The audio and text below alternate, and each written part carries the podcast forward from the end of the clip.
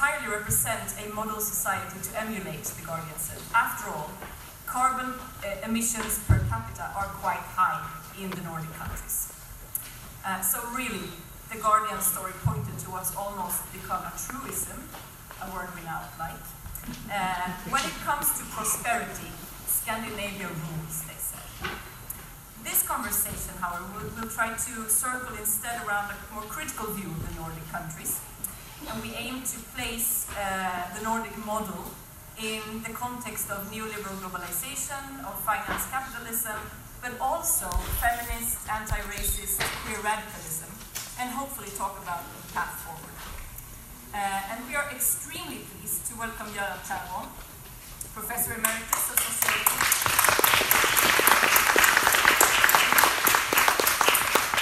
Professor Emeritus of Sociology at the University of Cambridge. He was actually too radical for Lund University where he earned his PhD, so he had to travel abroad. Uh, Professor Therborn has written extensively on Marxist and radical theory. His works have been published in at least 24 languages. He's uh, dedicated his life to uh, supporting uh, progressive social movements and anti-imperialist struggles. Uh, a few years ago, he published the book The Killing Fields of Inequality, in which he showed that inequality is literally a killing field, with millions of people dying premature death because of it. He is without doubt one of the most central voices of dissent in this country, and his scholarship has inspired and informed activists and scholars around the world in analyzing and battling inequality. And then we are also extremely pleased to have Diana Mulinari here. Diana is professor.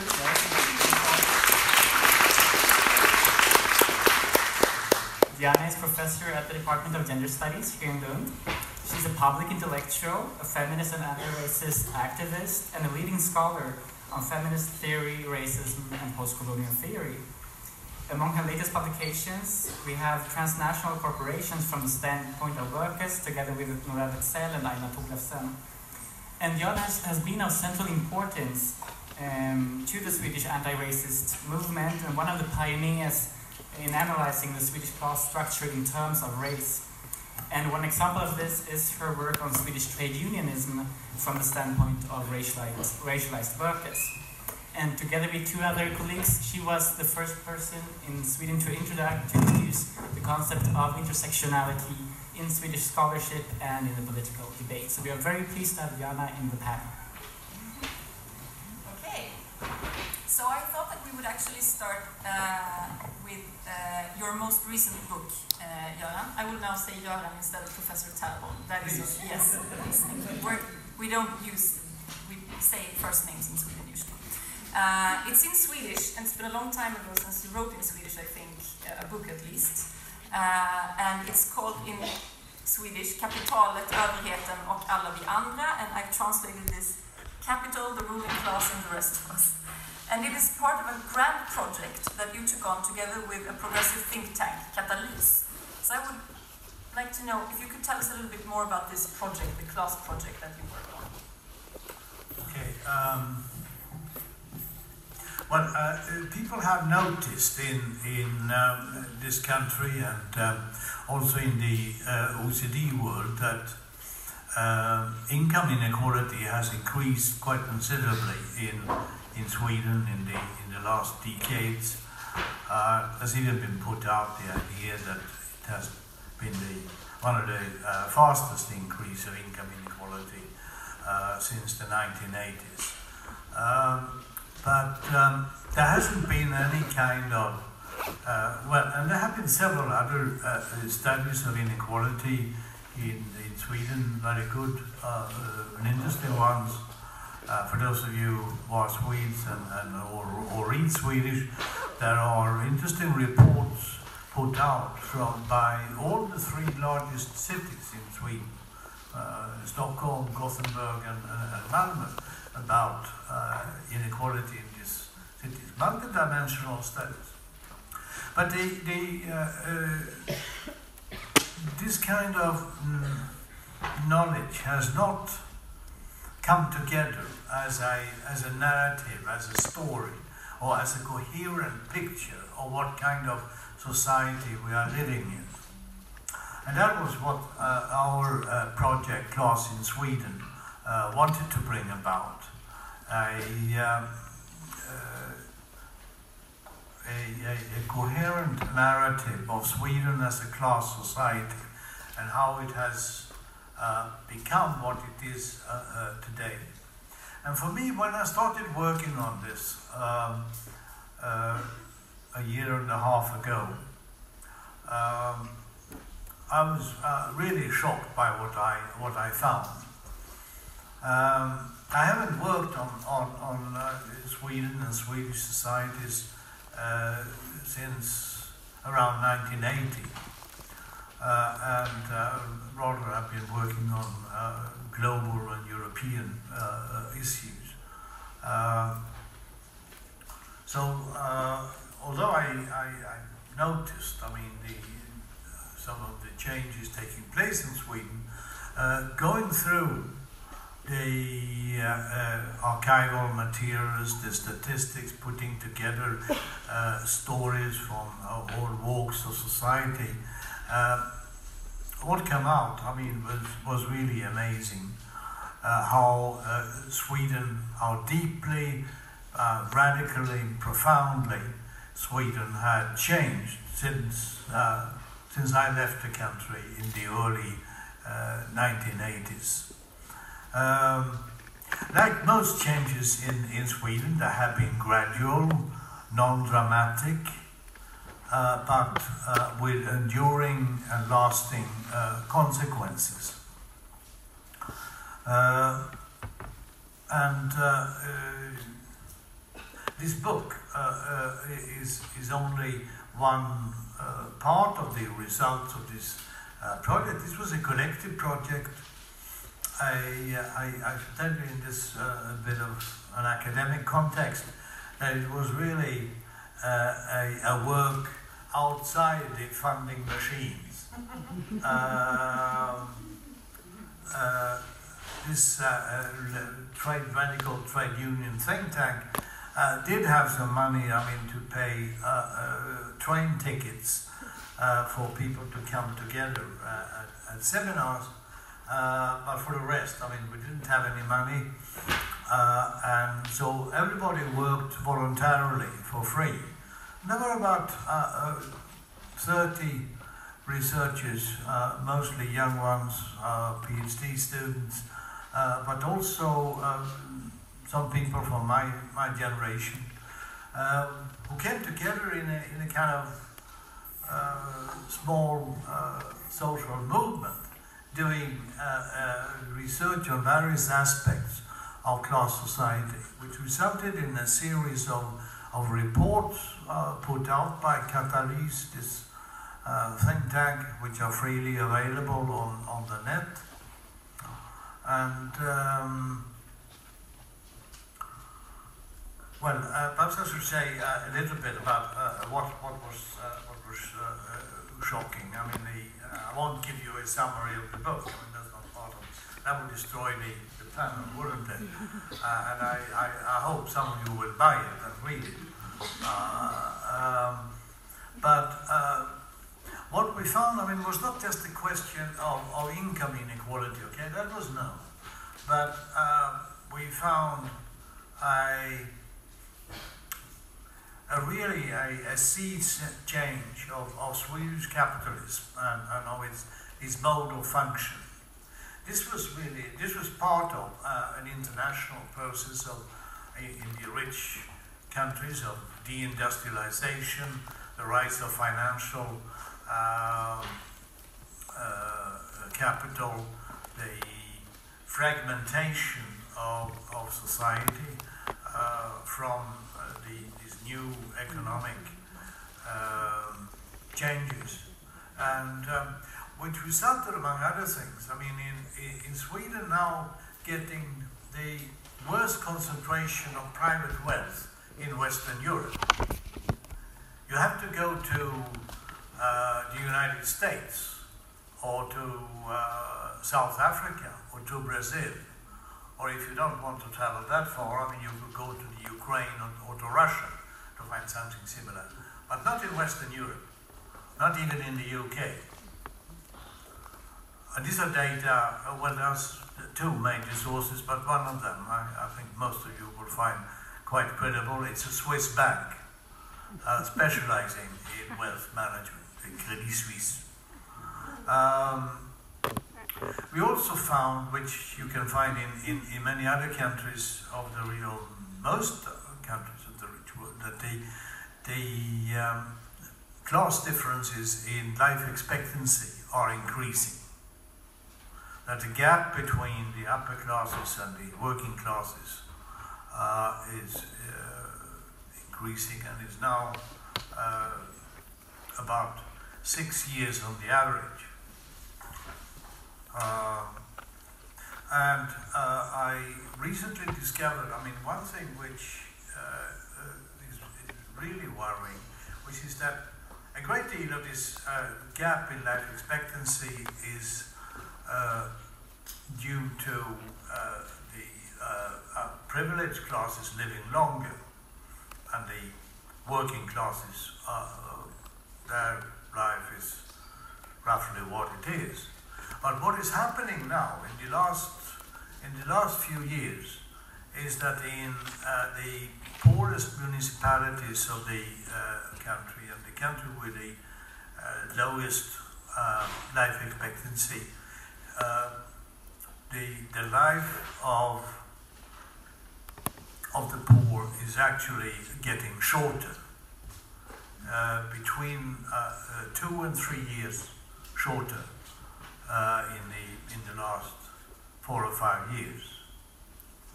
And um, well, there are many uh, other things uh, I can say. I will bring this up uh, uh, uh, in the course of the of the um, uh, of the questions. Let me just say uh, uh, one thing, which is not which is outside of the question, but which is I'm, I'm I'm very proud to be here at this department and you should all also all be, because I mean you are in a very special place. I mean this is probably I mean the only academic department in, in Sweden we can always can organize a Marxist conference.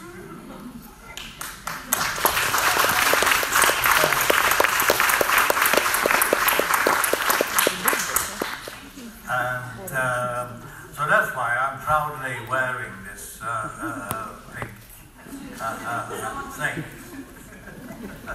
so Göran wants us to, to buy and read his book, and I happen to know that one of the people who actually did this is Diana.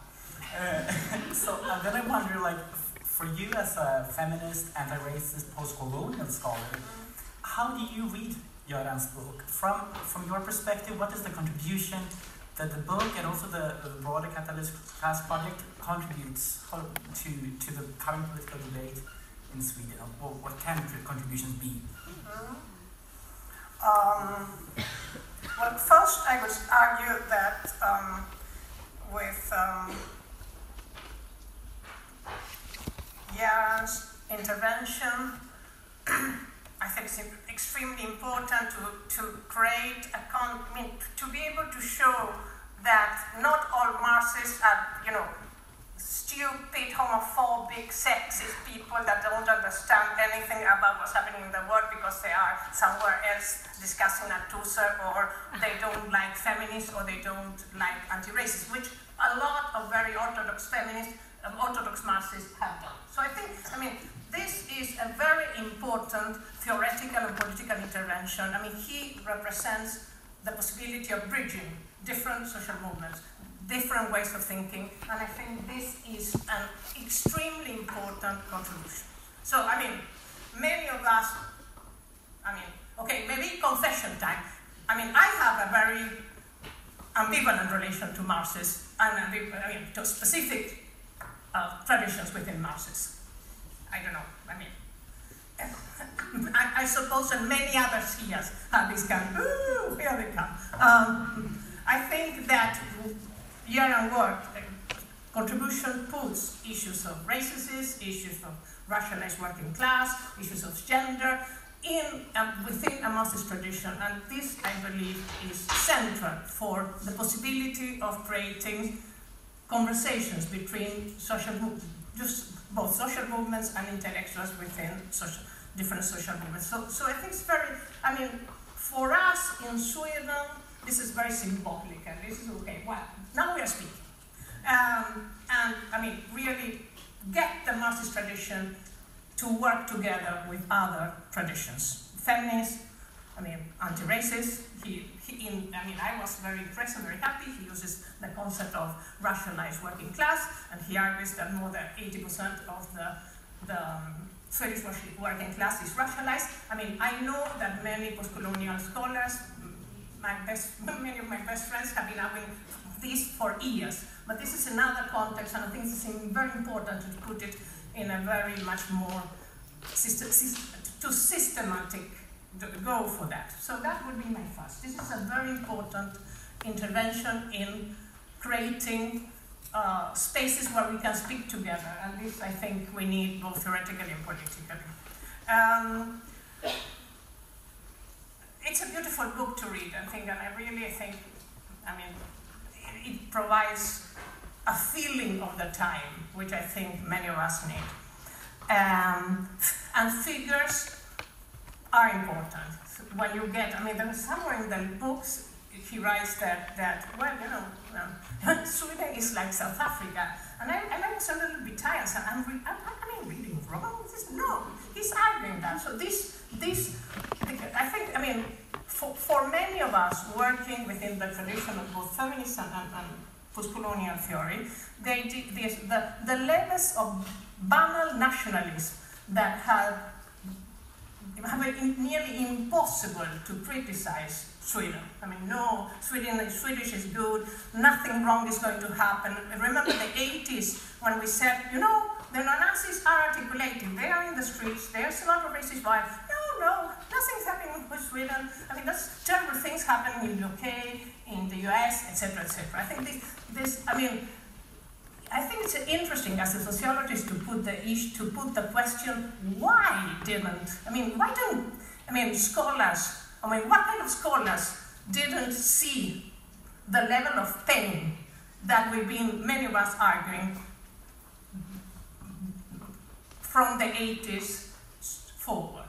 I believe that there's an extreme form of banal nationalism, this idea that, that you know, Sweden is so special. Sweden is so, that's not going to happen. I mean, the welfare state is going to exist, whatsoever political position.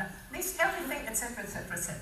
I believe that, I mean, scholars working within feminist and post-colonial theory had already, in the beginning of the 80s, an extreme evidence of these transformations. I mean, the, the, I mean, that had not I mean, the effects of financial capital and uh, neoliberal capitalism goes different for different groups and sections of the population. If you take us a point of departure, migrant workers, the situation was extremely terribly already in the 80s, and I think, yeah. So, so um, no, well, I think, um, let me see what I'm saying. I'm saying that this is an important symbolic book. It's a book that opens for a conversation that we have to have. Some conversations among Marxist feminists and post-colonials are not um, cozy. They are not like drinking tea, but they are extremely fundamental. And I really, I think it's very courageous that some, somebody like Gerard goes with that. I mean, I'm, I'm very happy about that. And I think this is a conversation that we have to continue. That is the strength of the um, the shortcomings, I think, that, well, I mean, I think Sweden is an imperialist country. And, and, and this, I mean, the, the, the, the transfer of, of wealth between the global north and the global south, or the militarization of Sweden in relation to the support of different wars in the global south. I mean, uh, I think it's very important. I mean, I would go for other narratives about Sweden too, which is not, I mean, inequalities is an issue, but the role of Sweden in the global, I mean, the role within the global north and the role of Sweden between the global north and the global south, the support of transnational corporations located in Sweden, etc., etc., etc. I mean, I think these are things, uh, but particularly this, the, the, the, the, militarization and the vision of, I mean, you know, that kind of thing, I would, I mean, I would also like to, I mean, I know that the focus is on inequalities, but I mean, Sweden also is a social formation that contributes to inequalities in the global south. I think this, I think, is an important issue I mean, for me.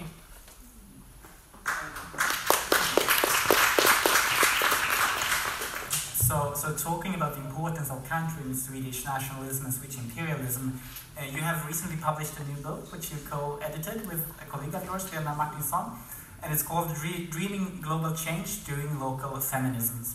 Visions of Feminism Global North-South uh, Global Encounters, Conversations and Disagreements. And in this book you talk about the importance of a scholarship of hope. And you, I know that you're also very interested in politics of hope. What does that mean? And why is it important in this political conjuncture? Um, well, I mean, if you read Göran's book, I mean, you get depressed because it's terrible. I mean, he takes a lot of figures and, you know, the, well, this is Katja Great. Oh, oh, well, this is one of the organizers.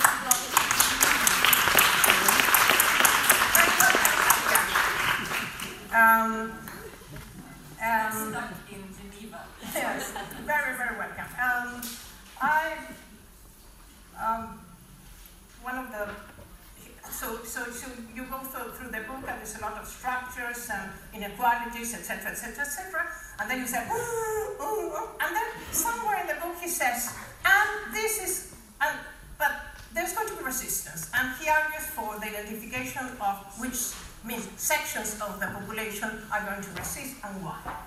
And I, I really got, you know, in love with that. It's, it's not, not a big fight. This is a book I mean, it's not, it's not a theoretical intervention, but I mean, what he does is to open for hope.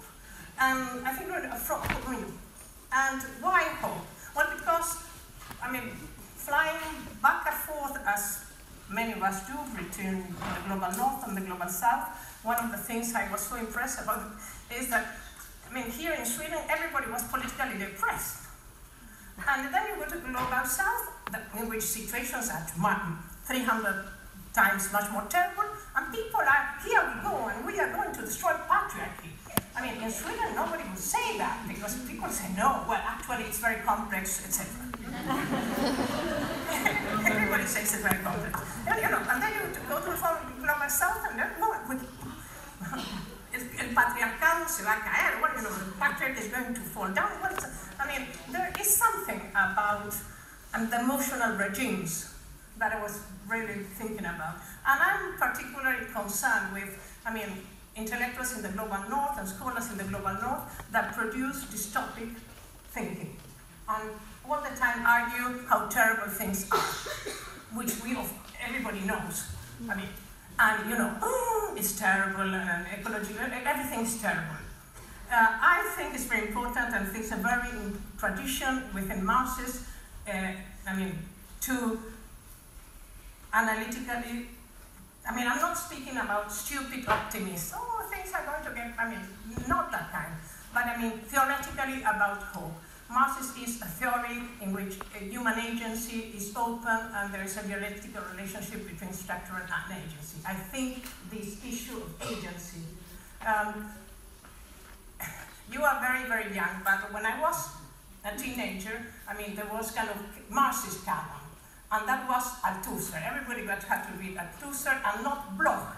That was considered a very flummig, that's the word in Sweden, in Sweden. an idealist. Shouldn't read him. Bloch was, you know, not really for class struggle and that kind of serious thing. He was, but he wrote about hope. And reading him today, reading him together with Paulo Freire, one feels, well, this is about people thinking of, of, of producing visions of other futures, identifying who are the ones, and that's what I think Göran does. He says, look, here, here, and here, there are possible subject positions to create to, that will resist. And even, and that's the, I think the work that we have to do. I mean, I'm not saying really, and I, I underline this, not being stupidly naive. Oh, no, I, oh, we are going, oh, the Nazis are succeeding, are increasing, and we are going to win. No. But I mean, on the one side, reflecting about why this emotional regime of depression compared to the global south in which everything is terrible but people are much more in struggle. And on the other side, what kind of intellectual production? That is what I call scholarships of hope. Scholars, I mean, kind of work that opens for possibility, other futures. That, that, I mean,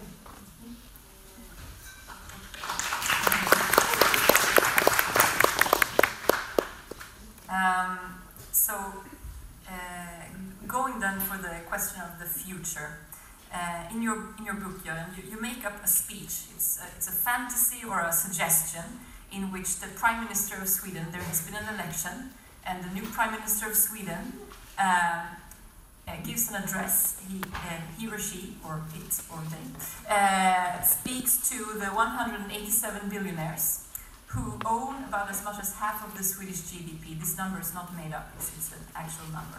And the speech is like this, I've, I've translated it, I hope it's okay. Ladies and gentlemen billionaires, you should contribute more to the well-being of the people.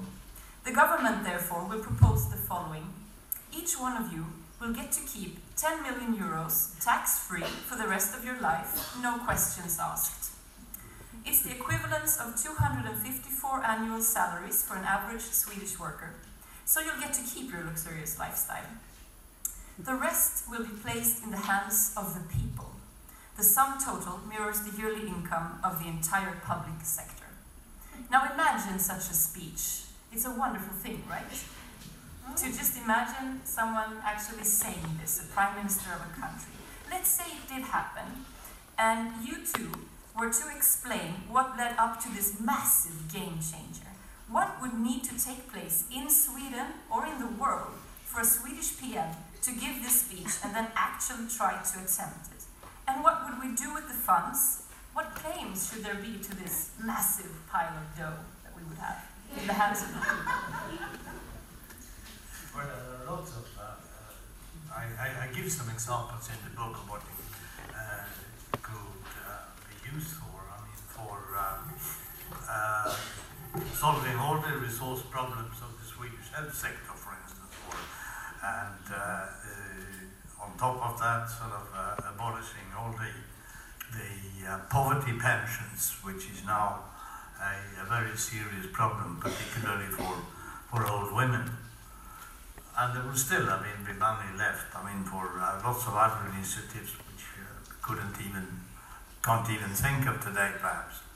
Uh, well, what will be required for uh, uh, that? Well, it's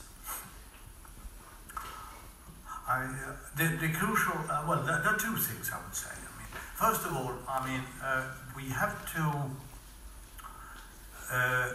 establish a narrative of, of Sweden as a class society in which, I mean, what is what is happening can be discussed in those uh, terms. A gendered class society. Uh, uh, and uh, which means that we can uh, uh, talk about, I mean, the forces shaping these, these inequalities we, which we have today.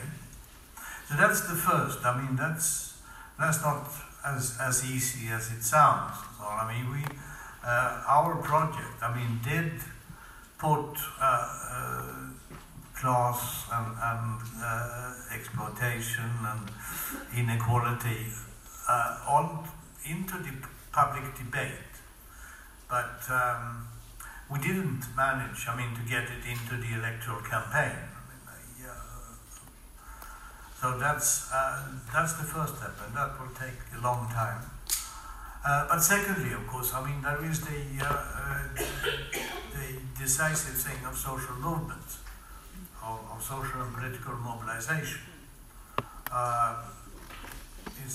Uh, enlightenment and narratives are not enough. I mean, there have to be kind of popular force carrying these stories and, and, and uh, uh, living them and turning them into uh, civic action.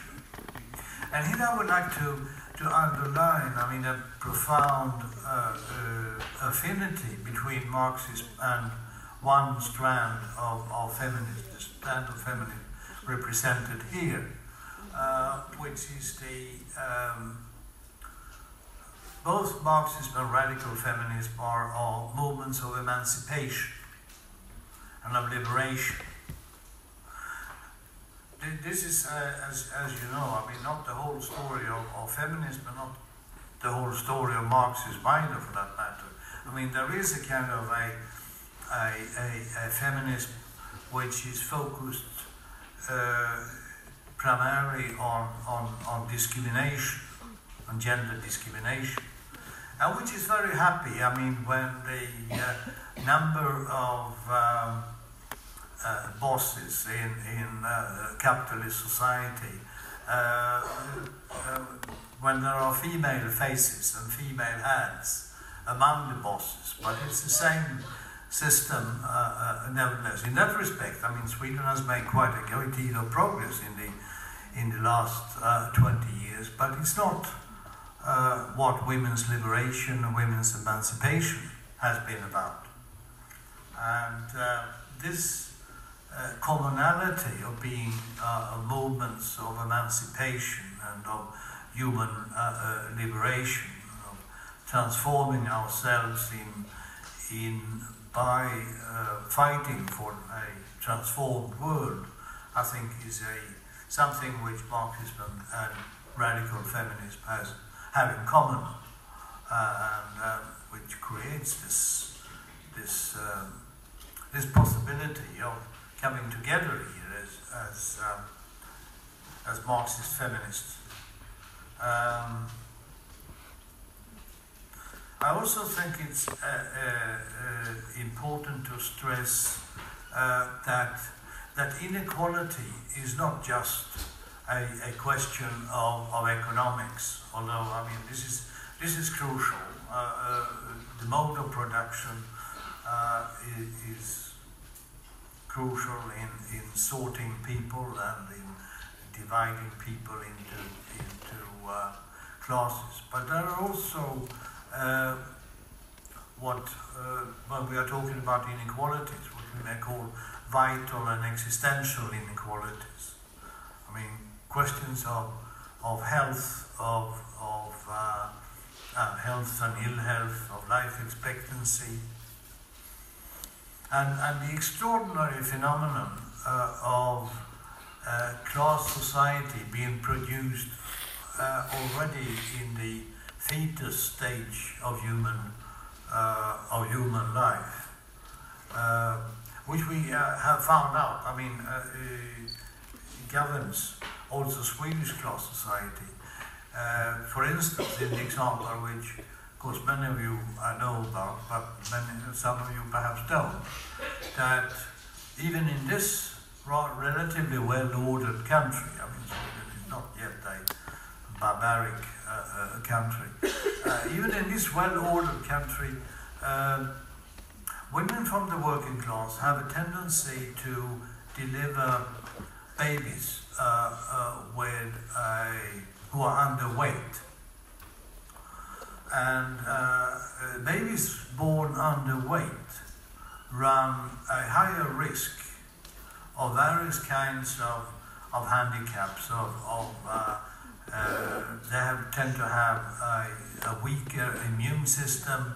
Uh, they run therefore a high, higher risk of, of getting diabetes and other uh, illnesses in their adult life. There is even also a tendency for uh, uh, being underweight uh, as a handicap in, in your uh, both motoric and cognitive development as a child. Well, this this is just an example. I mean, which uh, which means I mean that the the um, uh, the cliche kind of Marxist, which was interested in in people only the day they got their first wage, as Sartre once said, uh, uh, misses the point. And so on. I mean, class society uh, begins with the with the life of uh, of pregnant women uh, and, and their uh, social conditions. Uh, so there, there is that's one sort of empirical example of how how Marxism and feminism, I mean, uh, relate to each other and can um, interact in the promotion of, of knowledge, of the mechanism of this phenomenon, which is still not quite understood as far as I know. I mean, I'm, I'm not a physician, so I, I, I don't claim to. Uh, but as far as I know, I mean, not even the physicians know exactly why this happened, why working class women tend to deliver, uh, uh, uh, not everybody, but many, tend to deliver weaker, more underweight babies with more handicaps at the moment uh, of their birth, uh, not to speak of the later sort of transformation of, uh, of children. okay, um, this is back to the idea that we are some, you know, the, the, that the, the, extremely privileged and evil people are going to provide, I'm say, well, accept the idea that they going to share their, their wealth with us. I think first it's and, and, and, and, if you listen to Jan, he speaks all the time of, of narratives, and I think it's very important to get. For me, the central narrative to mediate today is the possibility of that is the idea that that is possible. I mean, the idea that you know that transform, social transformations that are based on notions of social justice, redistribution is possible. Um, and, uh, and, in a way, I was thinking, well, of course, not tomorrow. I mean, Cesar Chavez, how, how long how, how, I mean, if you look to the, the, the struggle of, of, of, rural workers in California, how, I mean, how many years they took? You know, 300, you know, really. I mean, think about South Africa. Think about, you know, places in which people have fought and fought and fought and, and, and been, you know, I mean, it's not tomorrow. We are not going to win tomorrow. I mean, and I think it's very important, the idea that it's possible to win, maybe not in this idea. I mean, I don't know, when I was young, I, we had this idea that, yeah, one day the socialist revolution and there was really state formation, we took the state, red flags everywhere, equality for all. Well, maybe it was a very arrogant understanding of the world. But, I mean, the idea that transformations are possible, I think this is central in this narrative. And I think we should continue to repeat this kind of narratives. Is it possible, I mean, to do? That, so, for me, the, the strength of the narrative is it opens for the possibility of believing in change, in serious structural radical change. And that is highly important. I would like, I could, I mean, when I read this, uh, the, the, the, narrative, I was thinking about what some things. On the one side, it puts the issue of citizenship, which is a very sensitive issue today, because I mean, it puts the issue of, okay, oh, they're going to give the money to us. Who are? Uh, who are these we? The ones that are, you know, living in Sweden, and we, you know, what kind of of solid and transnational solidarity in relation to citizenship are we going to have with this? Are we going to, you know, close frontiers and enjoy our wealth? I mean, what kind of fantasy about redistribution do we have when we locate social justice in terms of Sweden? Uh, I could say, well, on the one side, we have, we have to force these people to, I mean, decrease the control of indigenous populations in the northern part of Sweden. I mean, this is, I mean, I mean, we cannot. So, so the idea of enjoying in Sweden, I, yeah, it doesn't convince me. I mean, I, I think it's very important to redistribute, but I think it's, maybe we are speaking about, I mean, how to challenge financial capital. I think this should be global and there should be redistributions which are related not only to citizenship but other forms of redistribution, particularly again between the global north and the global south. But, but um, without that kind, but I think that the so so that could be my my fantasy. I mean, yeah, I, I get a little bit phobic if it is only in Sweden that we win. I don't like that. Everywhere, uh, I don't like that. But I, of course, think that that, that is very, very possible. As every, I mean, and I think that that we need people believing that it is possible. Uh, and, and the doing, I mean, and I, I think uh, I, I want to end with uh, the, there is a um, an organization of the children of the disappeared in Argentina. In Argentina, there was a military dictatorship during some years, and the military kidnapped the children of women in prison, some of them. And they have now, those that have been recuperated by the grandmothers of Plaza Mayo, they have um, two slogans, which I think is very important for this kind of narrative. The one is utopias only take a little more time. They have this, uh, yeah, las utopías tardan un poco más. That's the idea that, you know, let's wait for that. Uh, but, but also the, the notion that, that um, well, no, I, I, I say that, and that the, the utopians, yeah. Um, finally, social movements. There are a lot of social movements in this country. Um, and we are fractured, we are in disagreement, uh, and I do believe that, that I mean, in very complex ways, both uh, feminists and, and, and, and anti-racists have been appropriated towards uh, issues of diversity. I mean, I, I don't know, I mean, as a Marxist feminist and as a post-colonial, if, if women, I mean, own the Volvo, I don't care. Uh, I understand issues of representation, but I mean, all this issue of gender equality and, and, and, and diversity has, is at the core of neoliberal capitalism. And I think this is one of the issues that puts a, that this kind of very unhappy marriage between Marxists and feminists and anti-racists in terms of let, let's speak business regarding what kind of social movements we want. I don't want feminist or anti-racist social movements that are struggling for the right of women or the right of racialized citizens to be in the Volvo board. If it's not socialized and it's in the, the, the, in the hands of workers. Otherwise, that would be a thing. The board will socialize in the hands of workers, all women and racialized people. That would be beautiful. But if it's only a transnational corporation, I don't think this is worth uh, fighting for. And I think these are that these are the, the agenda for the future, particularly among feminists and anti-racists. What kind of feminists do we want to create and what kind of anti-racist is can be operated in, by financial capital.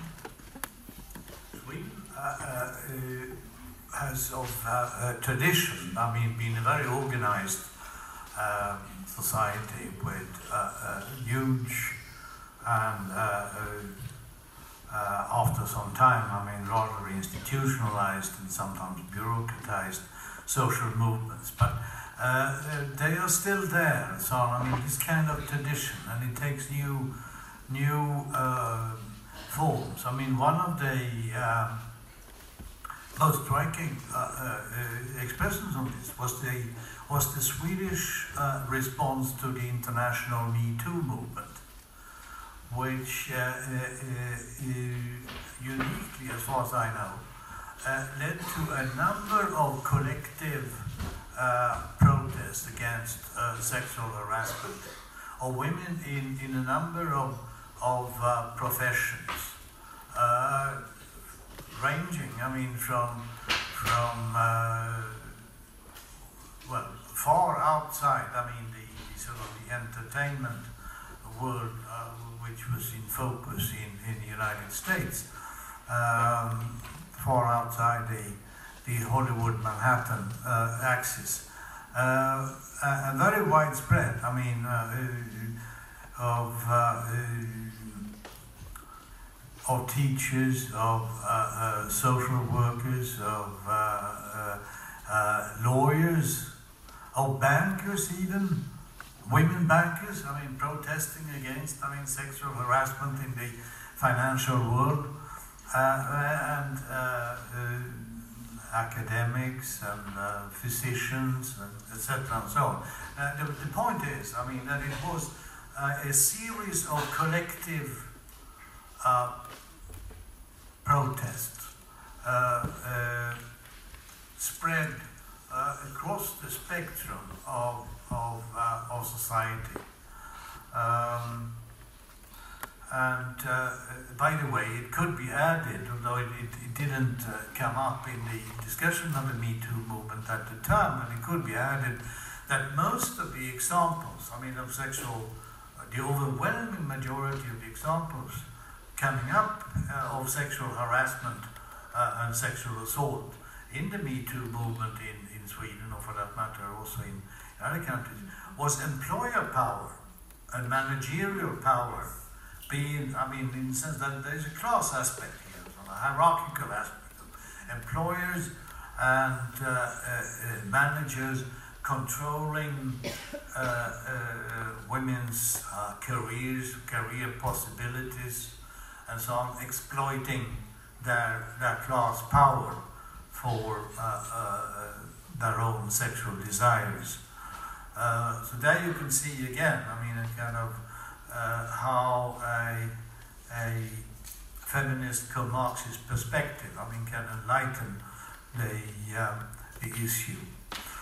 And then, uh, if we look further uh, uh, ahead of um, where can we find larger movements and social forces which might change the, the uh, actual course of inequality um, in, in, in a country like Sweden. Well, in the book, I pointed to three uh, uh, such forces, and they, they, I think, have a general uh, relevance, I mean, to, to other uh, uh, developed societies as well. there were the, the three P's. The, the proletariat, which of course is a bit of an anachronism for today's working class, but it, anyway, I mean, it, it, fits into the alliteration. So there is the proletariat, the precariat, and the professions. Uh, the uh, uh, precariat are the uh, uh, ones, I mean, with a marginal attachment to the labour market, on, on temporary employment, on zero contracts, and, and uh, so-called gig economy, um, etc., and so on, who are uh, predominantly, not overwhelmingly, but predominantly women. Um, and uh, who have nothing to lose, I mean, in the current system, or very little to lose and very much to win, although they are very fragmented. And, uh, and, and, and so, I mean, how how they will be able to come together is, a, is an open question, which, which can happen in, in, in, in certain societies and certain, certain movements, and then the precariat can be a very radical force. And you have the working class, the labor movement is still intact in this country, uh, although it's, it's, it's weakened, but uh, and uh, we also have another uh, aspect of of, of class and the labor movement in this country, which most uh, Swedes are, are not uh, uh aware of ourselves. So, uh, but we, we are now trying to bring out like the so-called middle class in Sweden, uh, they, uh, which has its privileges and has its complacency, like middle classes everywhere. But it, it, it's also interesting that the majority of the so-called middle class in Sweden are trade union organized uh, wage earners or salary earners. 71% of, of the middle strata of white collar workers are unionized in this country. That's even more, I mean, than uh, uh, unionization of, of manual workers, which is only 63%. And then we have the, uh, the, I think, the big future of tomorrow, I mean, which has, which has started uh, in, in, in Sweden in, in the recent 10 years, and, and particularly in the last two years in, in, in Stockholm, which is the attack on the professions, on, uh, on teachers, on nurses, on physicians, uh, on uh, uh, uh, other uh, uh, professional groups which have a, a kind of a sense of professional honor and a kind of professional ethics and a pride of that professional knowledge. All this is now being attacked by uh, uh, economic consultants run in either directly uh, the, the latest crop of, of uh, uh, coming out of the business schools or sometimes imported from business schools abroad. Um, and this uh, becomes a, a, struggle, I mean, for the dignity of, of work and, and for uh, the autonomy and responsibility of teachers, of nurses, of uh, physicians, of midwives, uh, etc. and so on. I mean, to, to do their work and not to be uh, uh told by, by uh, businessmen and business consultants uh, what to do. And this is also something which, of course, is, is of crucial importance to the future of feminism in this country because they, the the professions being attacked are uh, uh, in the majority uh, female professions or female uh, with a female majority uh, in them. And then finally, uh, Diana has talked very much about the relations between the global north and the global south, which is another interest we have in common. Um, I would like to, just to say one, uh, or, or, just two things about this. Uh, one is that the, with the, develop, with the economic development and the class restructuration of, uh, of the global south, the importance of, uh, of class is increasing and the relative importance of birthplace and nation uh, is, is declining. And the second thing uh, is that we have seen over the years, and particularly in the uh, last 30 or 40 years, the, the growth of very important global social movements. Um, the global feminist movement, which developed, I mean, after the Mexico conference in 1974, uh, was a, a trailblazer. And uh, that was then the um, uh, the social World Social Forum uh, out of uh, Porto Alegre, and um, now I, I, think I mean again the uh, the global feminist movement is probably I mean the strongest of the of the global progressive global social movements around. Mm. I've got a very nerdy question, but maybe before that, because I was thinking since Göran brought up the importance of the Me Too movement in Sweden, I don't know if Johan want to comment on that from an anti-racist queer perspective? No. then I do my nerdy question. So ask you to please excuse me if you find this question boring and maybe stupid, I don't know. But I mean, I read Göran's book as a description of the shift from uh, industrial capitalism to uh, financial capitalism that has occurred during the past 30, 40 years. And then in one place in the book, you write that financial capitalism does not have um, an, uh, any inherent dialectics, any dialectics of its own. And the way I understand what you write is that um, industrial capitalism had its own dialectics because it was rooted in production, and then it produced a series of contradictions, uh, which eventually threatens. Produce industrial working class. Yeah, that became organized. And, and then, then you write that that is not the case of, the, of financial capitalism. And when I read that, I became so sad. Because, I mean, as Marxists, we want dialectics. We are looking for the contradictions to see where we, where can, can we find any potential for social change. So then I really want to know, is this really the case? Is there no dialectics of financial capitalism? Or can we actually see that somehow, somewhere? And if there's not, I mean, what are we supposed to do as social movement activists? And what is the labor movement supposed to do? Because, I mean, the labor movement was founded in the era of industrial capitalism. And then how is that supposed to, to adapt to this financial capitalism uh, situation? That I want to know, please. Oh, well, I mean, the, the, the labour movement, I mean, has the same uh, task today under finance capitalism as under industrial capitalism, which is to, to defend uh, the living conditions um, of workers and, and wage earners and salary earners. Um, and, and, and they do, I mean, as, as best as they can.